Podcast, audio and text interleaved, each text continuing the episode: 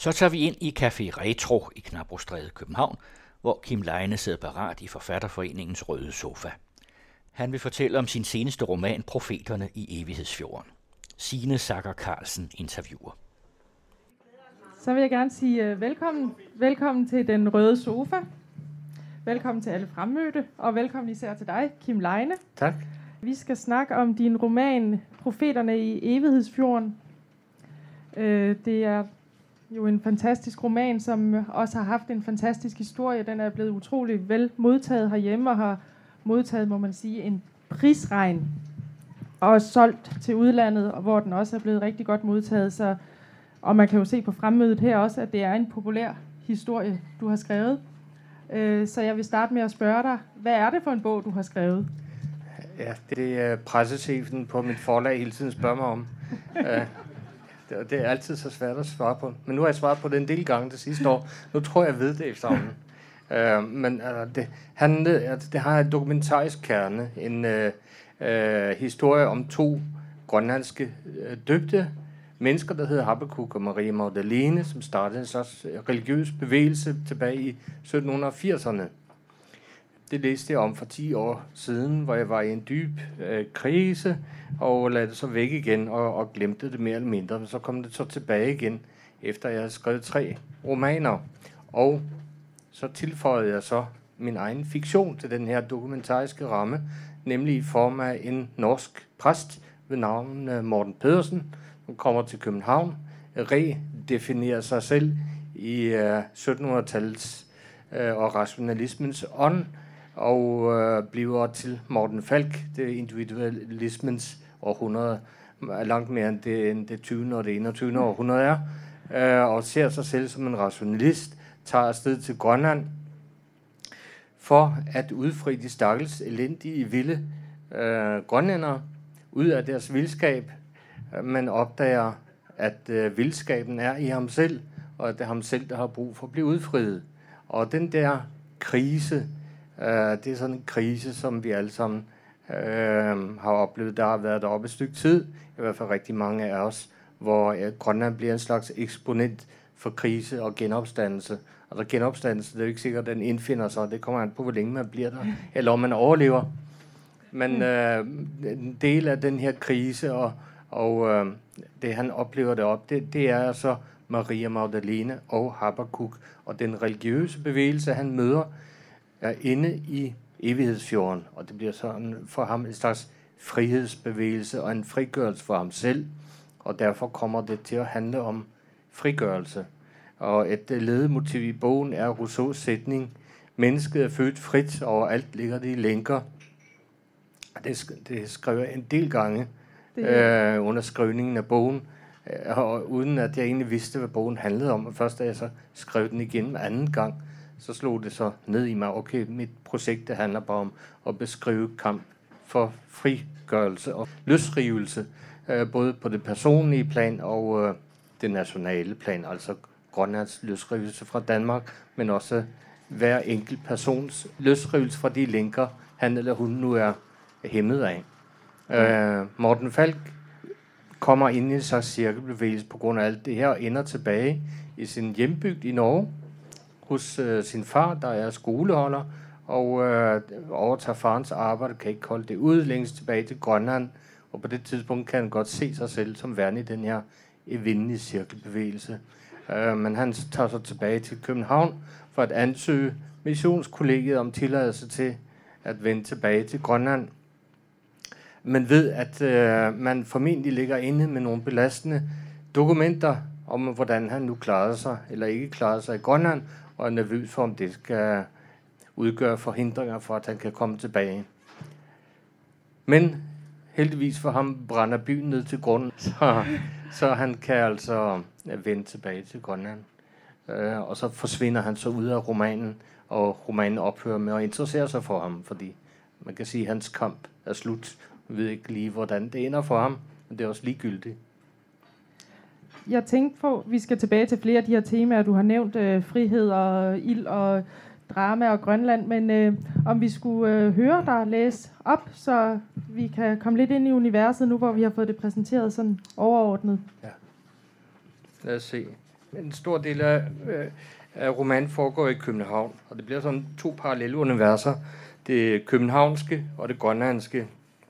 Man ved ikke lige, hvad der er mest beskidt og ildlugtende, men det her er altså København, som Morten Falk, nordmanden, går rundt i.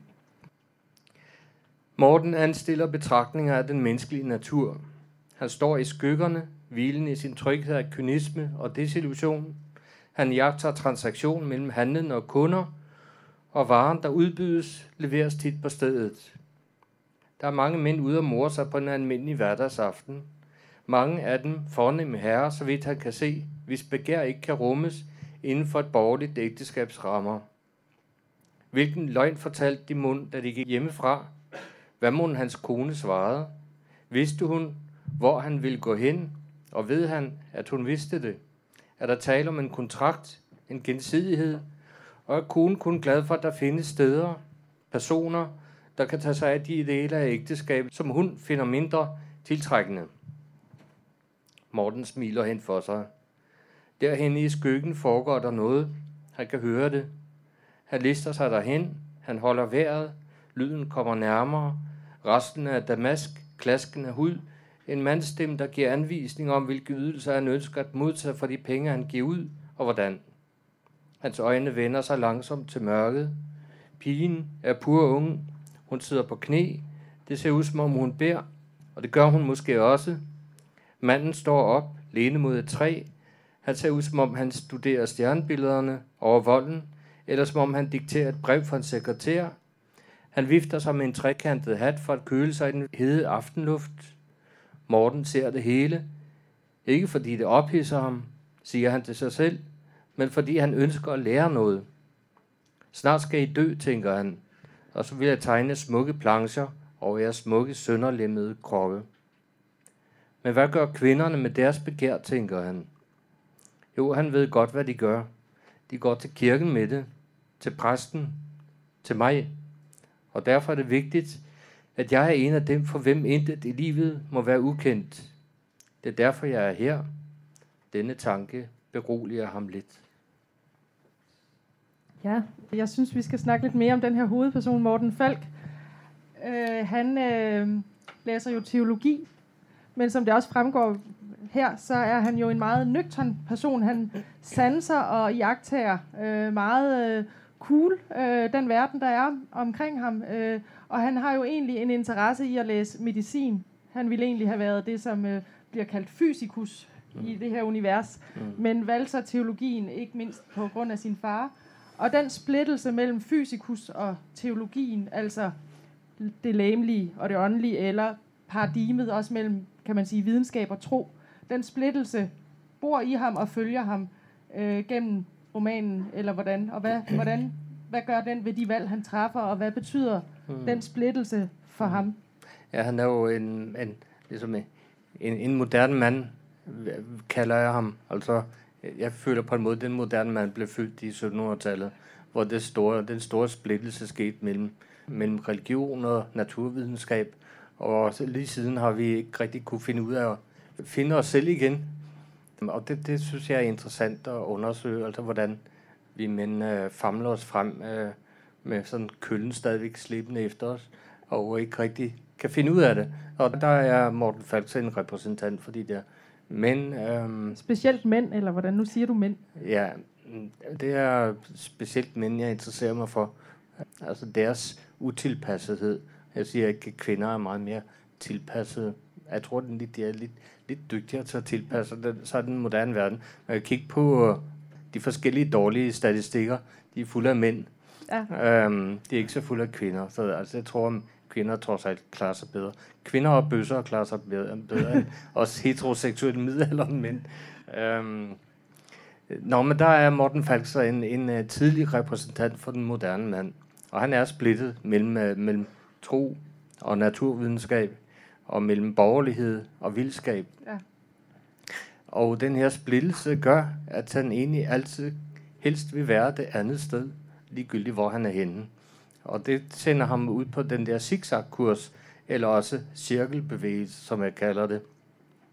Og jeg har selv været inde i sådan en cirkelbevægelse, og det er uendeligt trist at befinde sig i en cirkel, især hvis man ikke kan komme ud af den. Øh, så jeg satte mig ligesom for at beskrive den her Falks cirkelrejse, han foretager, og hvordan den bliver etableret, og hvordan man kan få manden ud af den igen. Og med cirkel mener du da en øh, mental tilstand, eller en geografisk, øh, eller hvordan? Ja, det mentale, det er jo en forudsætning for det geografiske. Han, han rejser jo fra Norge til Danmark, til Grønland, til Norge, til Danmark, til Grønland og så videre, ikke? Og stopper jo først, når der ikke går flere skibe.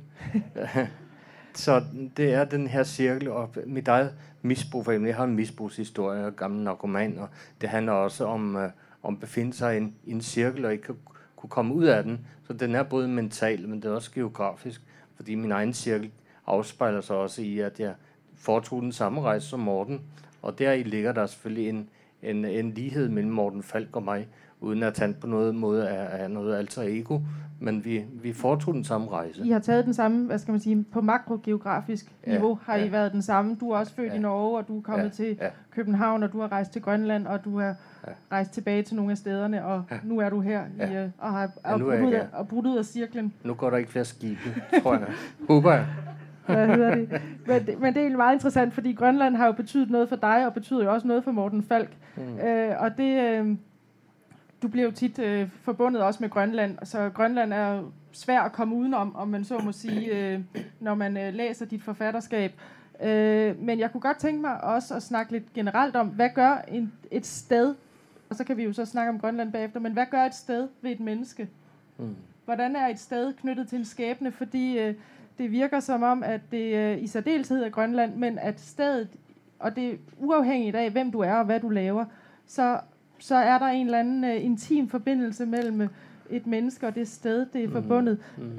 Der er en, uh, jeg ved ikke om vi kunne læse, du kunne læse der på i din bog, der, hvor Morten i starten af romanen besøger han sin søster, og hun, uh, hun, skal, hun har regnet ud, at hun er udset som, uh, som ægte viv til en præst. Ja. Og hun er ikke videre glad, men hun beskriver det. Ja, ja. jeg ved Søsteren Kirstine kommer så ligesom, ligesom Morten selv fra Norge og befinder sig nu på Falster. Nej, på Lolland er hun, og kan ikke rigtig falde til der.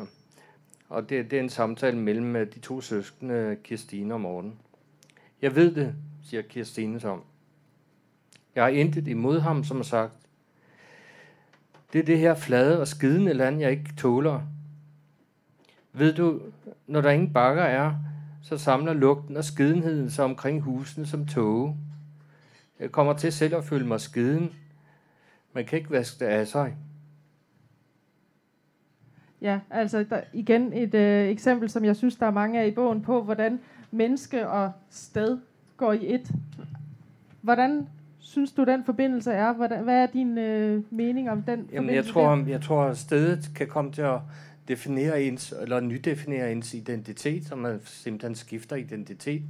Og måske tager man et sted hen, netop for at øh, lægge den gamle identitetsham af sig øh, og, og tage en ny på, fordi der ligger så meget identitet forbundet i øh, selve det geografiske, fysiske sted. Og det, det var øh, det, der også skete for mig i sin tid, da jeg rejste til Grønland. Jeg tog derop for at finde en ny identitet. Jeg havde ikke lyst til at være den, jeg var længere. Øh, så rejste jeg til Grønland, og den grønlandske identitet præsenterede sig for mig. Og jeg tog den på mig og lærte at tale deres sprog og spise deres mad og opførte mig som, jeg regnede med, at man skulle opføre sig som en grønlænder. Og det var så der, hvor de begyndte at kalde mig for Galak.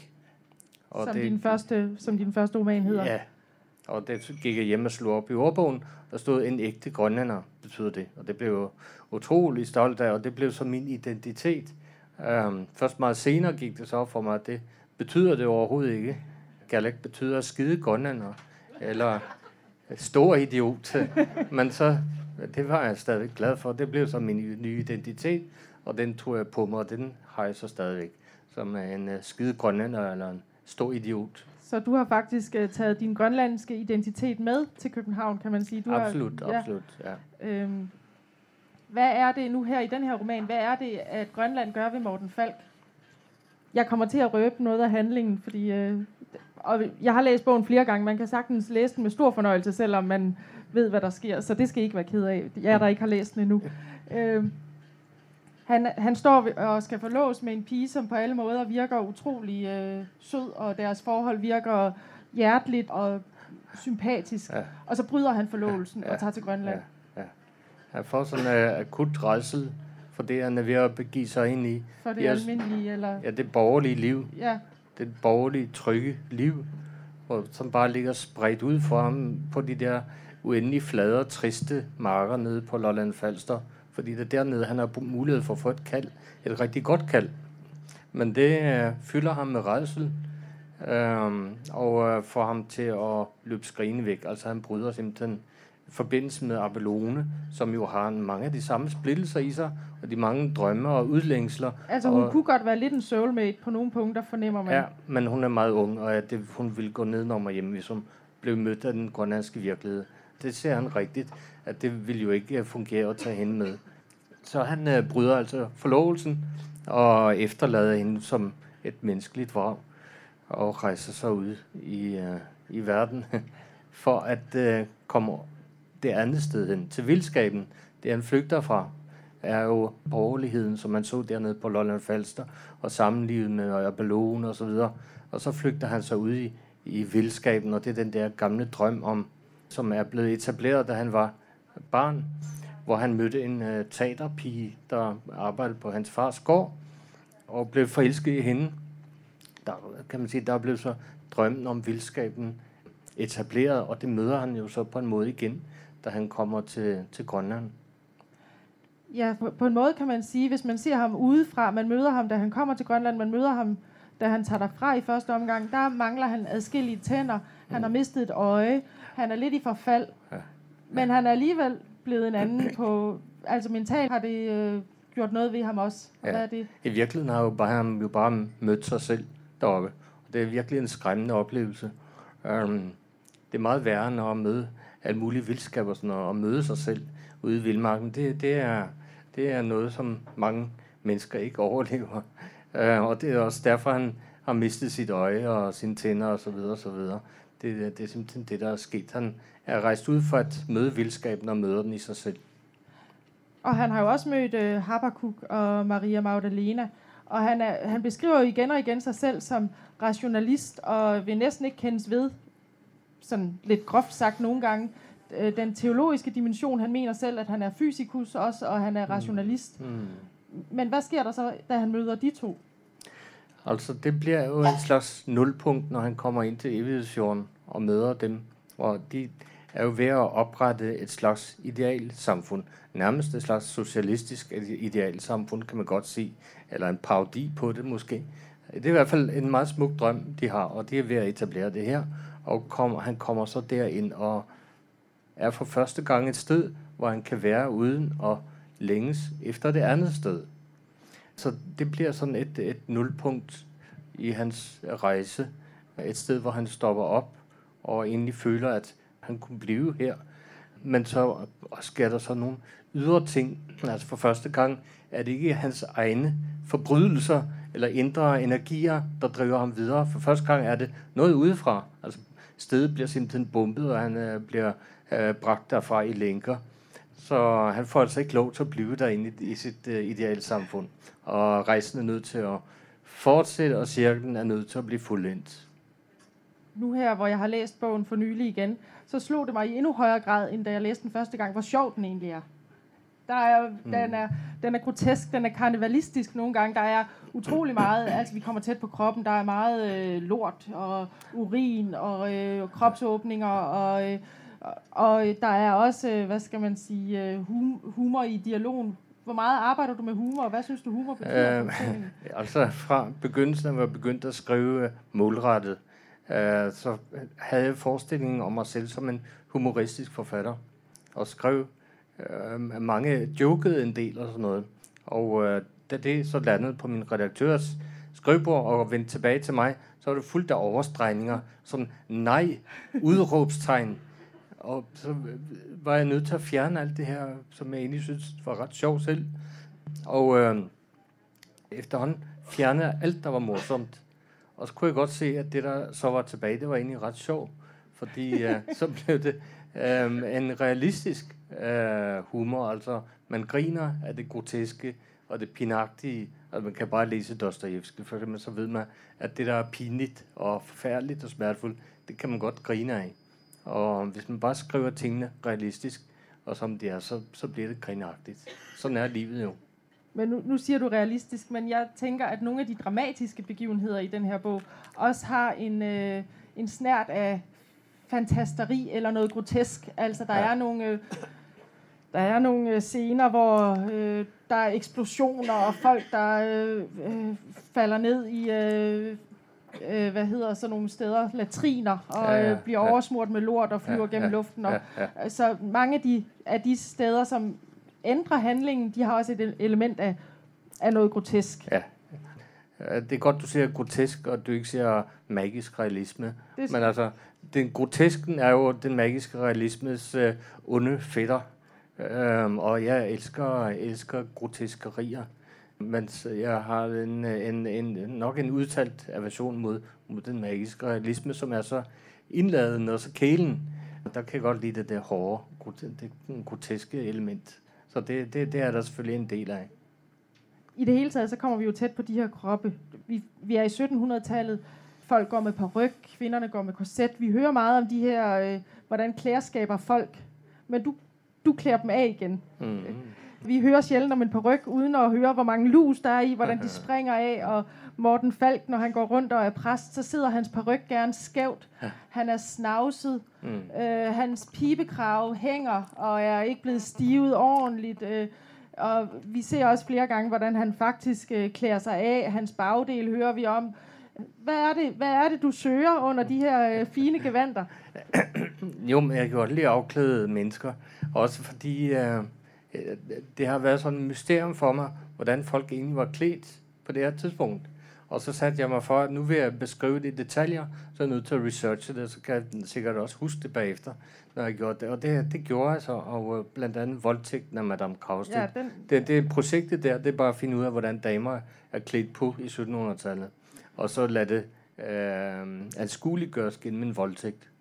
Og det har øhm, en meget dramatisk effekt, vil jeg sige, at, man, ja, at hun bliver ja, klædt af lag på lag. Ja, og det bliver sådan selvfølgelig kontrasten mellem nøgternheden i i uh, opbremsning af klæder og afklædning og sådan og, og så den smerte og, og den overlast, hun udsættes for. Men det er så en del af min teknik, kan man sige, at det gør det. Men uh, jeg betragter mig selv som, som materialist.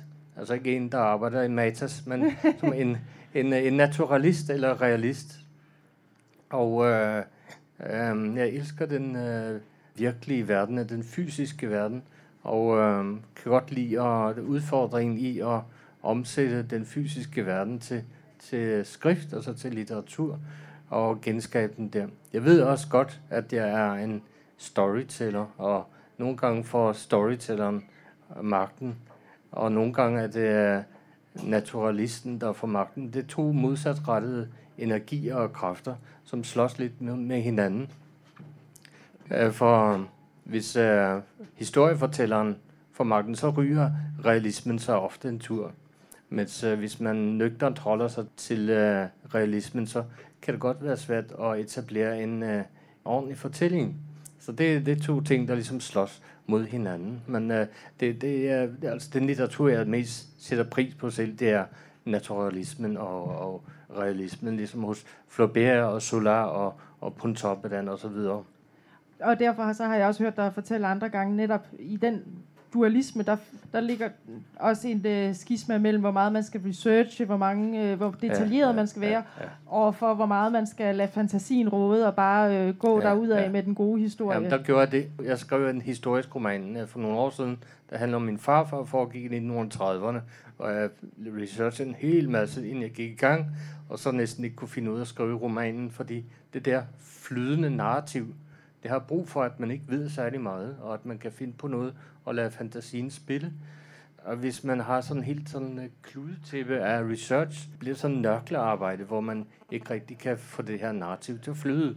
Så nu valgte jeg at gøre det, at jeg lavede en ganske sparsom research først, læste øh, en politikens bind 11 i Danmarks historie om øh, 1700-tallet, Og så læste jeg en artikel af Mads Lidegaard, som var den oprindelige inspiration til min roman, øh, om profeterne i Evighedsjorden, Habakkuk Maria Magdalene, og så lavede en tidslinje over det her ting.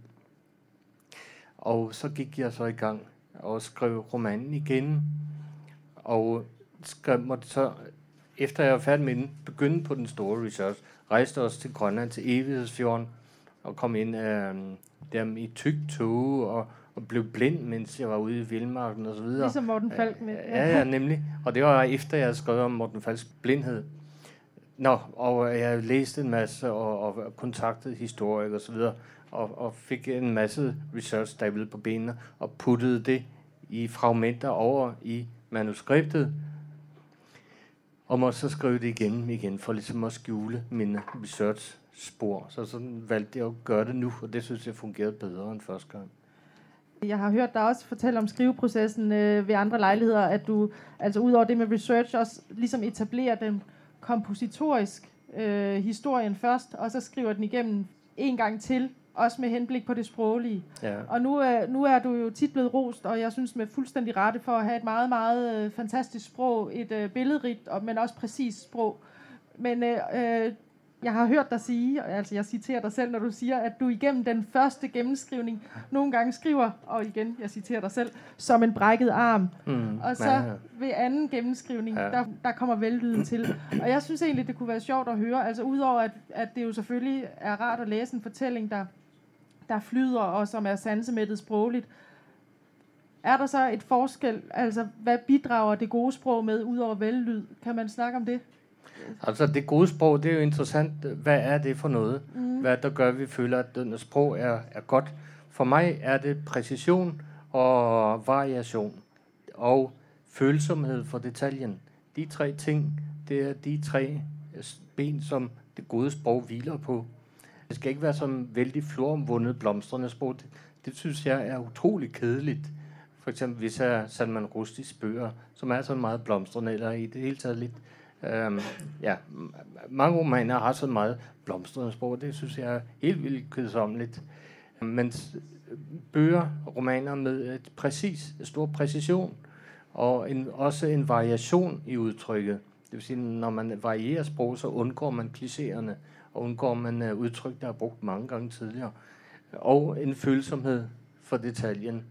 Hvis de tre ting er til stede, så oplever jeg skønhed. Så skønhed i sig selv er ikke noget objektivt. At Det er noget, der er bygget på nogle helt reelle elementer og delelementer. Og det, er det, det, det er ligesom det, jeg bestræber mig på, og når jeg, når jeg øh, arbejder med mit sprog. Så man kan sige, at skønheden er i detaljen, sådan helt, øh, hvad skal man sige, bogstaveligt næsten. Ja, det synes jeg. Selvfølgelig også i den overordnede struktur. Og jeg har et problem med struktur i det hele taget. Det er også derfor, jeg skriver mine bøger to gange. Fordi første gang, der skrev jeg som en brækket arm, og det gør jeg. Og øh, det, det tillader jeg mig selv at gøre. Man kunne ikke finde på at lade nogen læse det, fordi det, jeg synes, det er så dårligt og pinligt skrevet. Uh, men øh, det er skrevet hurtigt, og jeg er også famlende, fordi jeg skal ligesom finde, finde vejen gennem den her tåge, som en roman er, når man ikke kender den endnu.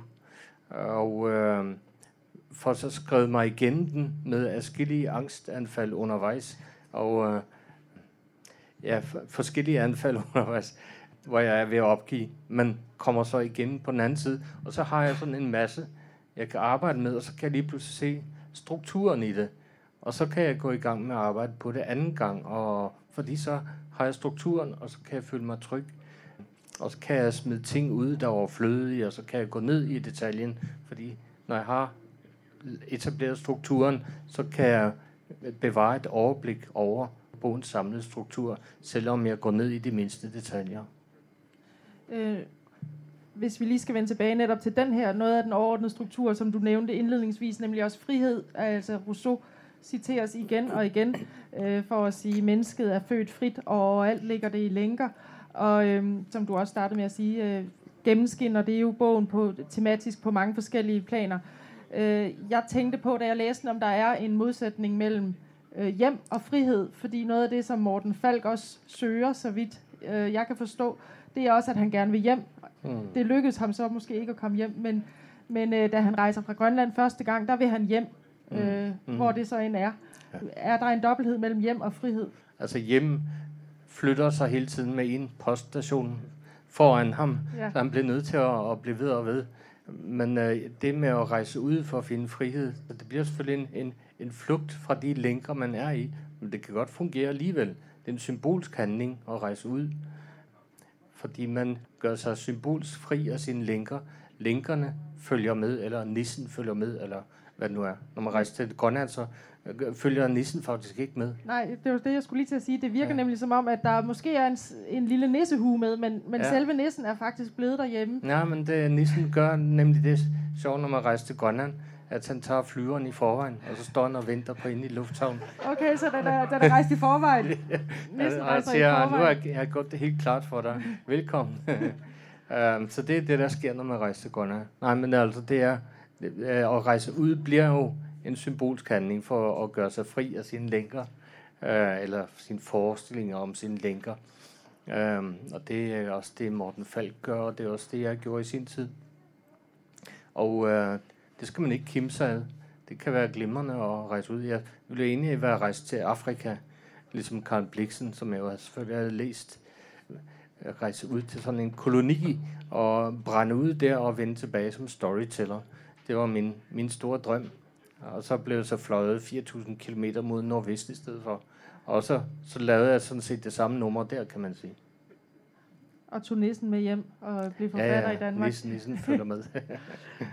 danskerne, der bor i kolonien, som øh, han slår sig ned i, de, og danskere, han møder i København, de er meget optaget af de her vilde. Hvad er de for nogle? Er de mennesker, eller er de dyr? Hvordan lever de? De har ikke noget tøj på, og, og det virker som om, at de faktisk øh, føler sig hjemme i deres evighedsfjord.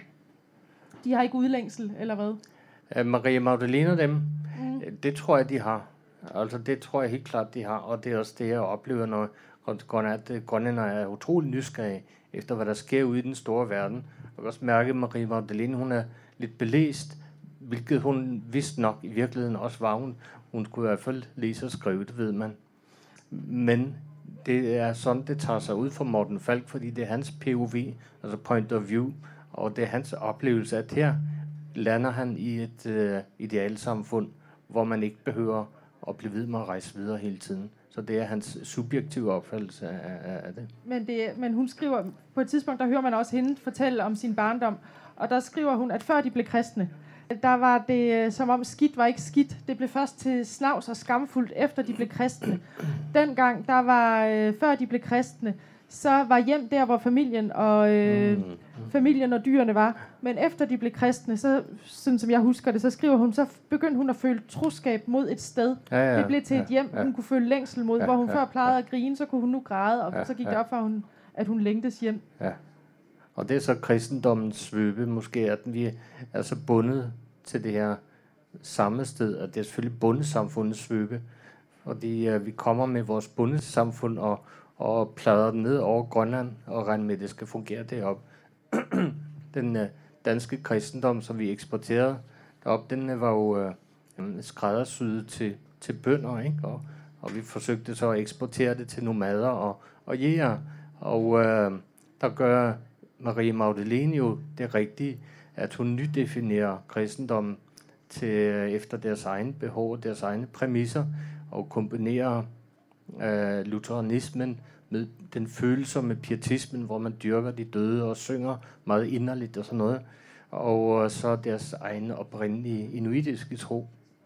Og på den måde øh, lykkes det hende at inkorporere den, den, gamle, den gamle tro og, og, og forny øh, kristendommen, øh, så det fungerer deroppe. Ja, fordi jeg øh, synes nemlig, når man læser bogen, at man får en fornemmelse af, at den konflikt mellem frihed og og hjemlængsel, som ikke findes, som Morten Falk oplever igen og igen. Han kommer hjem til Grønland, og så er det ikke hjem alligevel, og mm. så viser det sig, at det måske var Grønland, han flygtede fra, der egentlig var hans hjem. Den konflikt findes i mindre grad hos dem. De, de har hjemme, og de føler sig fri. De bliver i hvert fald hele tiden beskrevet som frie ja. af dem, der ser dem udefra. Ja, set fra Morten Falks vinkel. Og det, det, det jeg havde også brug for at beskrive den som det her, det her lykkelige intermezzo inde i Evighedsfjorden, Øh, fordi alle romaner har ligesom brug for et eller andet centrum at arbejde sig ind imod, eller et centrum, som det længes ind imod, og som det gerne vil ind i. Og det bliver så evighedsfjorden her, og den her sommer i evighedsfjorden, som bliver det her centrum i den her roman, og hvor den så også ender til sidst. Jeg kunne godt tænke mig at spørge dig om, hvorfor du selv tror, at romanen er blevet så populær. Hvad, hvad tror du? Det er jo selvfølgelig et uh, lidt kættersk spørgsmål, men, men, uh, men hvad er det, den rammer? Hvad er det, den, uh, den har givet folk, som de har savnet? Svært at sige, men altså, jeg tror, der er et uh, stadig og et konstant behov for den store episke roman. Det kan vi se på salget af kriminalromaner, hvor jo igen og igen bliver skuffet, fordi det er ikke det, man har regnet med. Men man har alligevel så meget brug for det her rent fortællende, at man søger tilbage til det, og køber nye skuffelser. Og også øh, biografisk litteratur, de dækker også lidt det der behov for det episke, og derfor er øh, biografiske bøger også ret øh, populære. Og en tredje ting, det er de her lange tv-serier, som jo er virkelig af god kvalitet efterhånden. Ikke? Og blevet kaldt nutidens romaner. Ja. Altså det er der, man finder den store fortælling. Det er jo uh, Dostojevski og Tolstoy igen, bare med, øh, som uh, tv-serie. Og uh, det behov, det tror jeg er konstant. Jeg tror aldrig, det forsvinder. Vi har brug for at uh, skabe en relation, der varer et stykke tid til de der fiktive personer, som vi etablerer uh, en relation til i, i det, vi læser, eller i, i tv-serierne, hvor den nu er henne. Um, og det, det behov, det tror jeg altid vil være der. Og så synes jeg, at den her episke roman, den er så, så generøs, øh, fordi den kan øh, inkorporere alle andre genrer i sig, også de såkaldte smalle genrer, altså minimalisme eller stream of consciousness og eksperimenterende former, men også krimien og, øh, og sci-fi-romanen eller hvad som helst. Og, og lyrik kan den jo bruge, dagbogsform, brevform, øh, drama kan den bruge, og den kan bruge det alt sammen inden for rammerne af den samme bog. Øh, og det synes jeg er utrolig generøst, og ja. derfor øh, den generøsitet tror jeg også læserne kan mærke i, i en så høj grad, at man også tilgiver de her store opulente værker, at det, de engang imellem er lidt dårlige. Fordi det kan de godt tillade sig, sådan en stor, tyk, overskudsagtig roman, kan godt tillade sig at være lidt dårlig også, og det er jo øh, i hvert fald næsten alle de store episke romaner, jeg kender. Tænk på Krig og Fred for eksempel. Ikke? Der er jo lange passager, der er fuldstændig dræbende. Også Dostojevski øh, og føles fuldstændig irrelevante. Også Melville. Øh, ja, ja, fuldstændig. Som du jo, ja. Men det tilgiver man den, fordi det virker så overskudsagtigt, og det virker, formen i sig selv virker så generøs. Uh, og den kommer altid tilbage på sporet af sin egen tabte tid, ikke? og så drøner der ud af igen. Og uh, derfor synes jeg, at den episke roman er den kunstform, der minder mest om, om øh, mennesket, fordi de er utrolig irriterende, og vi er nødt til at opholde os sammen med dem lidt længere, end vi egentlig vil. Men bagefter kan vi huske dem, og øh, derfor gør det også stort indtryk på os. Så man kan sige, at romanformen og måske også tv-formen er, er en menneskegenre, som, som kan bruges til at sige noget, noget om, om, hvem vi er? Eller? Ja, det er noget, vi er, vi er sammen med det så lang tid, så vi øh, etablerer en følelsesmæssig relation til det, og det har vi brug for i, i, i skønlitteratur og også andre kunstformer. Nu er den person, øh, Morten Falk, som, øh, som vi jo så etablerer, det, der er jo flere andre hovedpersoner, kan man sige, i din roman, men Morten Falk er helt klart hovedpersonen, den der øh, den, øh, den vigtigste karakter. Både og. Men det kan vi snakke om bagefter, hvis du vil. Ja, øh, ja det kan vi også tage nu. altså, jeg ser jo øh, romanen som bestående af tre hovedpersoner. Morten Falk og Bert Jensen, og så den mystiske enke. Ja. Uh, hun er jo så mystisk, fordi uh, der er ikke rigtig nogen, der gider umage sig med at lære hende at kende. Uh, oprindeligt så havde jeg en hel del mellemkapitler, eller lange vignetter, hvor hun fik lov til at komme til tale, eller komme til ord, hedder det, og forklare, hvem hun var. Men så kunne jeg godt se, at uh, altså, i hvert fald Morten lærer hende jo aldrig at kende, og uh, gider ikke engang kalde hende andet end en enken hele tiden. Så derfor skal hun også blive ved med at være godfuld for, for læseren. Men han er jo alligevel utrolig optaget af hende. Og han er fascineret hende. af hende. Ja, og, øh, og øh, elsker hende. Vi er jo ofte fascineret af det, vi ikke forstår jo. Ja, Jeg tror, hvis han øh, kom til at forstå hende, så ville han miste interessen. okay. Det vil jeg tro. Ja, Men så dør at- er hun så venlig at dø, og derfor bevarer han sin interesse altid, øh, indtil hans egen død og forenes med hende i døden og så Ja. videre. Men øh, hvis de øh, var blevet sammen, og han havde lært hende at kende, så tror jeg ikke... Øh, Så, så har han kedet sig. ja, det tror jeg. Ja. Nå, men den tredje, det er jo så Bertel Jensen, kateketen. Ja, Øh, den splittede person. ja, Og i virkeligheden er det ham, jeg jo egentlig mest identificerer mig med, fordi han består af to kulturer, det danske og det grønlandske, ja, og har det der meget gennemsyrede ambivalens, både over for sig selv og sin egen identitet og sin far og så videre. Og øh, han bliver så den grønlandske repræsentant over for Morten Falk og kæmper med ham for Ja. at øh, definere, hvad den her roman handler om.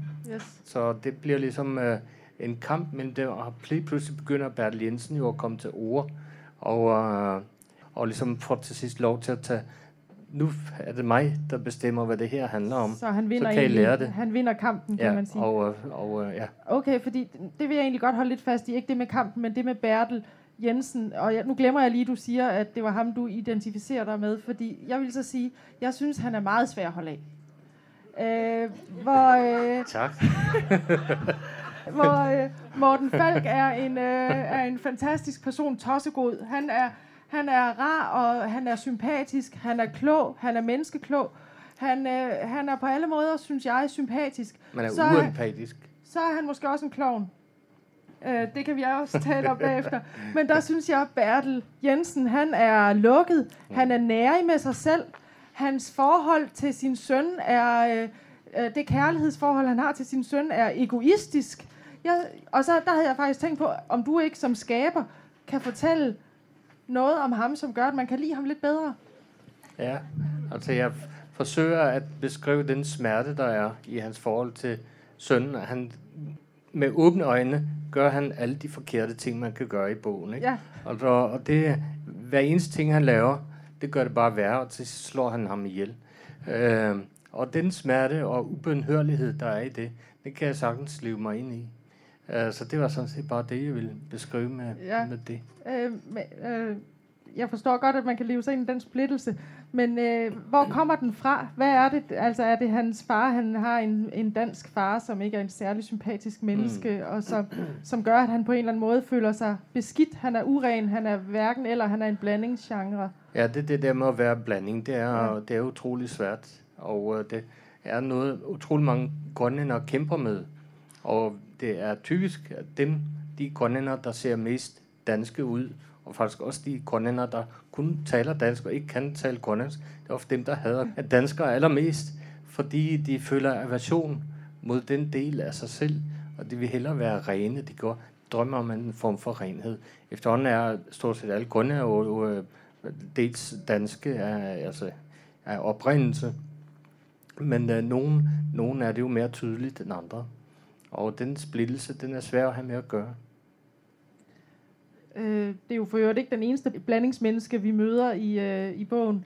Der er også en hermafrodit, der optræder især i starten, som øh, Morten Falk er meget fascineret af. Mm. Hvad er det, der er tiltrækkende, udover at det Altså, jo så den, øh, alt, alt, altid er lidt sjovt at se øh, ja, en vandskabning, eller hvad Ja. man... Øh, Den der, altså, han øh, krops, eller hun kropsliggør jo bare splittelse, og det er så kønslig splittelse, og det bliver en meget voldsom splittelse i, i to køn i en krop, ikke? Så, øh, så det er en del af det her splittelsestema, øh, den person øh, kommer med, og vender så også tilbage senere i romanen, og fortæller jo en, bliver en slags øh, den der magisk person, som træder frem og fortæller, hvad det hele handler om, og så sker det så også videre, vender personen tilbage og siger, haha, hvad sagde jeg? mm. Og det, det bliver den rolle, den, den øh, her person, som øh, kropsliggør splittelsen, personificerer. Ja. Så lige for at vende tilbage til Morten Falk, øh, det jeg egentlig ville have spurgt om før, øh, som jo så er en af de hovedpersoner, der optræder i bogen. Når den nu er blevet så populær, bogen, kan det så skyldes også, at, at som du sagde i starten, at, at Morten Falk er lidt en, en moderne mand, altså at han er en, en klovn. Nu om dagen, jeg har hø- flere gange hørt den moderne mand beskrevet som en klovn, og der er jo en tv-serie, og det, Mm. det, det er et tema, som Mm. kommer op, at, Mm.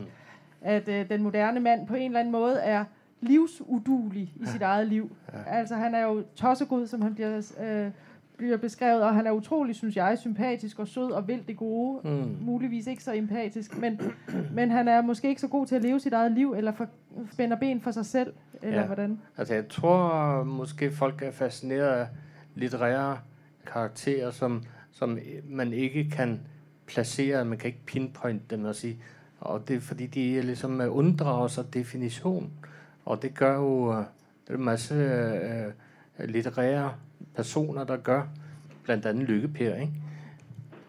Men i det hele taget er også Dostojevskis skikkelser.